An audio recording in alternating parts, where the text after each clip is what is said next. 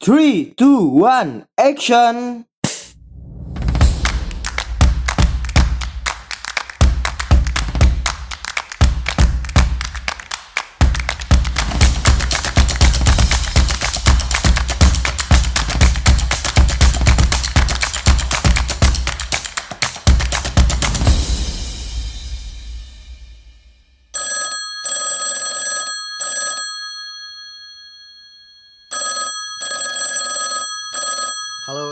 Kembali bersama saya Miftol Arzak di pembahasan eh, teori-teori komunikasi. Ya, jadi pada pertemuan-pertemuan yang lalu kita sudah menjelaskan beberapa teori komunikasi yang saya ambilnya itu di buku Ensiklopedia Teori Komunikasi. Jadi ini buku yang selalu saya gunakan. Ini editornya ada Stephen W. Littlejohn dan Karen Voss. Kenapa saya harus uh, sambil membaca sambil mendiskusikan ya. Jadi di pertemuan-pertemuan sebelumnya saya juga sudah menjelaskan jika kita membahas uh, sebuah teori secara umum dalam perjalanan dan sejarahnya agar tidak kehilangan konteks ruang dan waktunya saya perlu detail juga menjelaskan sehingga jangan sampai nanti yang saya jelaskan tuh ada miss atau ada yang kurang ya. Jadi itu uh, menjadi tanggung jawab saya juga untuk menjelaskannya itu dengan uh, literatur. Berbeda ketika misalkan teori kita gunakan sebagai sebuah pengaplikasian. Ya, kita memahami, kita mengetahui, kemudian kita bisa mendiskusikan dengan keadaan atau konteks ruang dan waktu saat ini ya sehingga uh, teori sebuah sebagai sebuah pengaplikasian ya itu menjadi uh, salah satu cara untuk mempertajam atau memberi pengetahuan dan pemahaman kita bahwa yang kita lakukan saat ini pernah dilakukan oleh orang lain seperti itu. Nah, pada pertemuan kali ini seperti biasa, jadi saya uh, membaca buku ini membolak-balik, kemudian per lembar per lembar saya baca apa yang menarik untuk kita bahas terutama dalam pembahasan teori komunikasi. Nah, kalau di pertemuan-pertemuan di awal sekali gitu ya.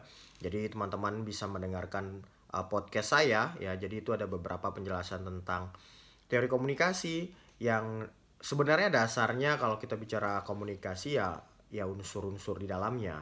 Ada komunikator, ada pesan, ada medianya dan ada komunikannya. Di mana pembahasan teori ya ya selalu berhubungan dengan itu saja jadi mutarnya di situ aja gitu. Kalau nggak ngebahas uh, komunikator ya komunikan kalau nggak bahas komunikan ya pesan kalau nggak ya media atau komunikasi interpersonal. Ketika kita berbicara misalkan orang itu uh, ada suatu perdebatan batin maka komunikasi intrapersonal namun di situ juga kita bisa bicarakan siapa komunikator siapa komunikannya juga nah maka tidak akan jauh-jauh dari situ pembahasan jika kita membahas masalah teori komunikasi dan ya pada pertemuan kali ini ada satu teori yang uh, menarik perhatian saya. Pembahasannya mungkin nanti agak nggak terlalu panjang sih juga ya. Saya mau bilang panjang tadi sebenarnya. Tapi nanti ini mungkin tidak terlalu panjang juga pembahasannya ya. Karena ternyata pas saya balik nih hanya uh, seperempatnya di pembagiannya. Jadi satu halaman full dan seperempat seperempat. Ya mungkin dua halaman lah bacaannya ini teori anxiety ya atau ya uncertainty management teori atau disingkat dengan AUM ya. Saya sebutnya AUM aja ya kalau kepanjangan. Jadi teori manajemen kecemasan atau ketidakpastian yang disingkat dengan AUM ya. Menarik ya karena ini membahas masalah komunikasi. Kalau saya sih membaca di awal ya ini semacam kayak komunikasi intrapersonal. Jadi bagaimana manajemen kecemasan dan ketidakpastian. Ya. Ini dikembangkan oleh William B. Goodikins ya. Menjelaskan bagaimana orang asing dapat melakukan komunikasi yang efektif dengan menggunakan manajemen kecemasan dan ketidakpastian dalam berinteraksi. Akar teori AUM ialah pada integrasi teori pengurangan ketidakpastian dari Charles Berger dan teori identitas sosial dari Henry Teifel ya. Teori AUM merupakan salah satu teori komunikasi antar kultural yang menjelaskan proses antecedent yang dimensi hasil dari efektivitas komunikasi interpersonal dan interkelompok. Jadi ini berbicara bagaimana orang itu memanajemen tentang kecemasan dan ketidakpastiannya. Kita baca lebih detail lagi. Awal perkembangan teori AUM muncul pada tahun 1985. Nah, ini konteks teman teman-teman kalau misalkan membaca sebuah teori kemudian disebutkan tahun, yang paling bagus itu adalah melihat uh, konteks ruangnya, itu di mana lokasinya dan melihat konteks waktunya. Pada tahun itu terjadi uh, keadaan politik seperti apa, keadaan ekonomi seperti apa, keadaan uh, sosiokultural seperti apa. Sehingga kadangkala teori-teori itu hadir dari keadaan-keadaan seperti itu juga. Sehingga ketika kita membaca, oh ini kok nggak cocok sih, enggak saya nggak setuju dengan teori ini. Oh nanti dulu lihat juga konteks ruang dan waktunya pada saat teori itu dihadirkan. Ya, jadi awal perkembangannya itu tahun 1985 yang menekankan pada proses komunikasi antar kelompok yang efektif Beberapa versi selanjutnya, versi resmi pertama dari teori ini disebut dengan teori ya, ya atau dijelaskan sebagai teori AUM, muncul pada tahun 1993. Teori ini dimaksudkan sebagai teori praktis untuk meningkatkan kualitas relasi antar kelompok dan interpersonal. Dalam perubahan selanjutnya, pada tahun 1998, teori AUM diperluas untuk menjelaskan proses penyesuaian interkultural. Konsep dasar teori ini mencakup orang asing, kecemasan, ketidakpastian ambang batas, kewaspadaan, variabilitas lintas kultural, komunikasi yang efektif, dan penyesuaian interkultural. Jadi pembahasan-pembahasannya itu banyak banyak banget ya. Kita bicara kecemasan, ada yang terkait orang asing, mungkin ketika dia baru berada di satu daerah kemudian bagaimana dia cemas nggak sih bisa berkomunikasi atau uh, yang lain-lain nah ini berbicara masalah manajemennya untuk mengatur kecemasan atau ketidakpastian itu Menurut premis dasar teori AUM, ketika individu bertemu orang asing atau orang dari kultur berbeda, mereka sering mengalami kecemasan dan ketidakpastian. Konsep orang asing diambil dari karya sosiologi George Simmel yang berpendapat bahwa orang asing dapat merefleksikan kualitas dekat dan jauh. Kedekatan berkonotasi berdekatan fisik dan kejauhan merujuk pada nilai, cara pandang dan perilaku yang tak sama. Dari konteks orang asing dalam kelompok figur dasar, teori AUM menekankan gagasan bahwa hampir semua interaksi awal adalah bersifat antar kelompok dan interpersonal dan dicirikan oleh kecemasan dan ketidakpastian ya.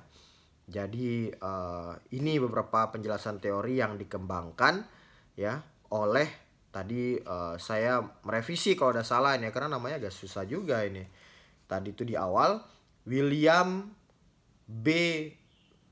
Goody Kunz ya, Goody Kunz. Kayaknya nggak salah juga saya sebut namanya tadi ya. Kecemasan mengacu pada perasaan seperti tak nyaman, janggal, bingung, stres, atau kegelisahan tentang apa yang mungkin akan terjadi nanti. Ketidakpastian di sisi lain adalah fenomena kognitif dan melibatkan dugaan tak pasti dan penjelasan ketidakpastian. Memang kalau kita bicara detailnya nih ini kayak komunikasi interpersonal karena lebih ke dirinya ya.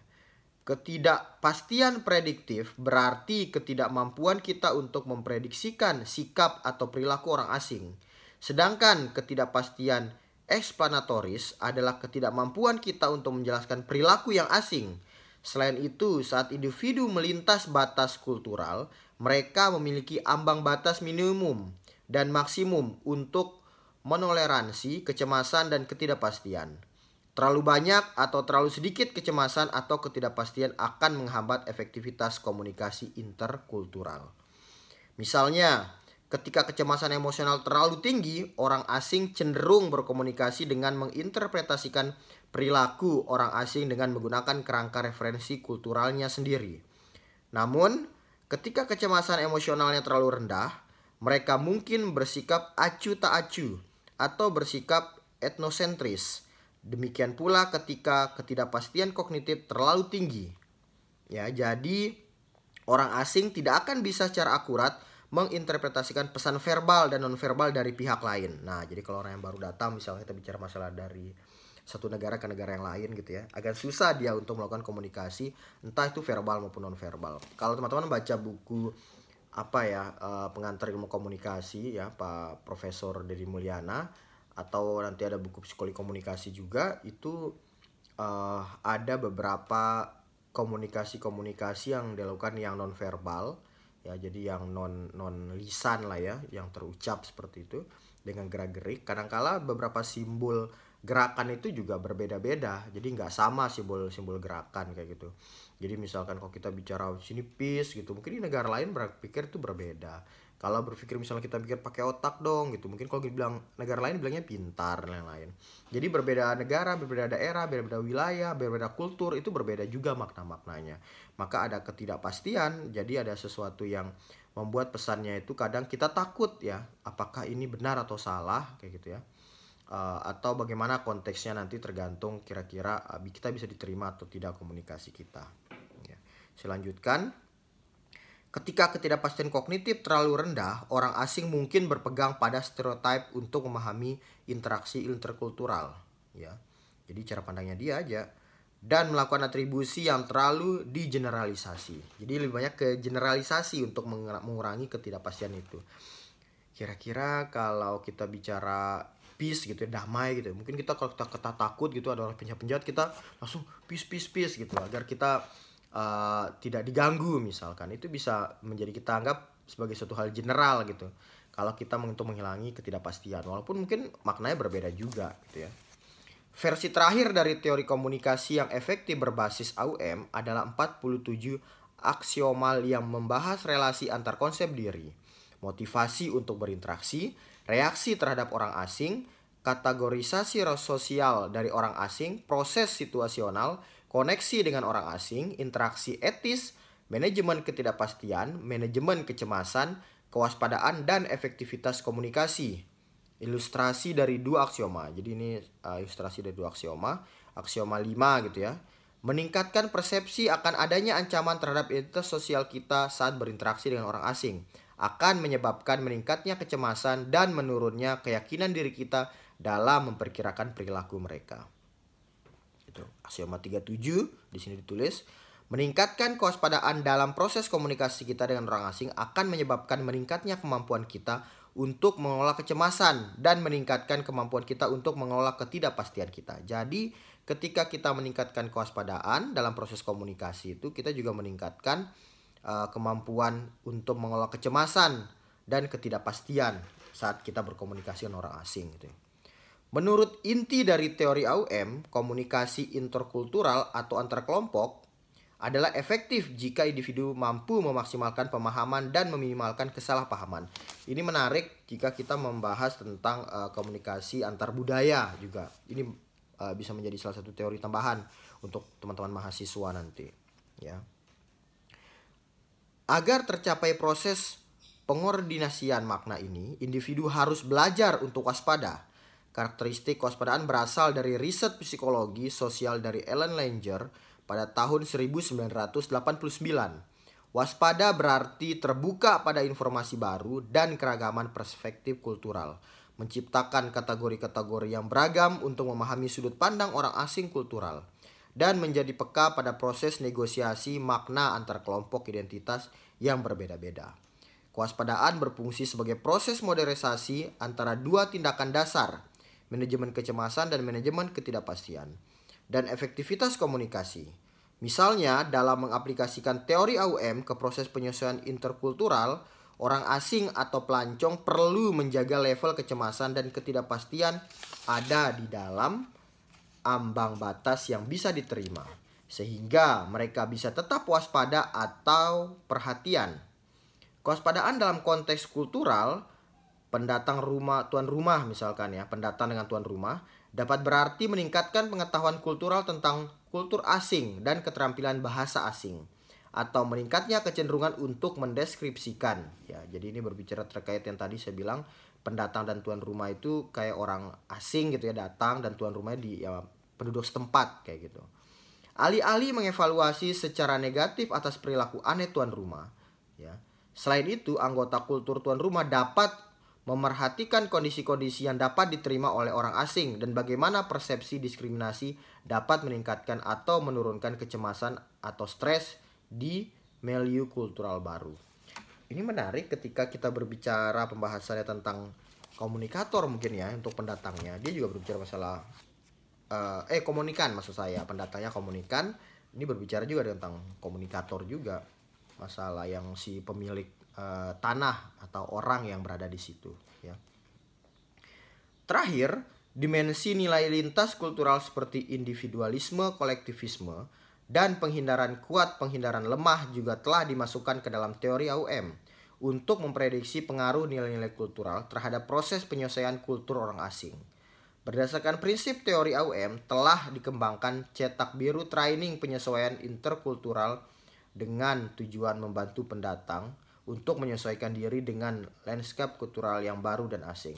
Ini mungkin maksudnya blueprint maksudnya tadi ya tentang penyelesaian bagaimana ketika uh, satu individu atau kelompok itu berada di satu uh, tempat yang asing gitu. Jadi tidak hanya berbicara terkait uh, komunikannya saja, jadi yang datang itu tapi juga berbicara masalah si tuan rumah atau si pemilik uh, daerah itu, orang asli lah daerah itu. Itu pembahasannya.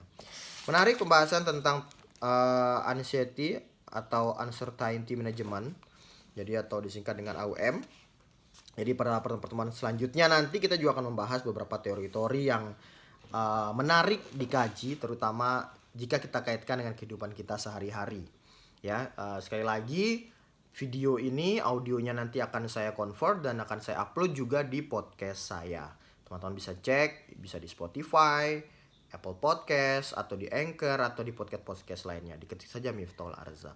Oke, sampai ketemu lagi di pembahasan teori komunikasi selanjutnya dan uh, kita bisa berdiskusi nanti entah itu di kolom uh, komentar atau di uh, Spotify atau di media-media sosial saya. Sampai bertemu lagi ya di pembahasan teori selanjutnya.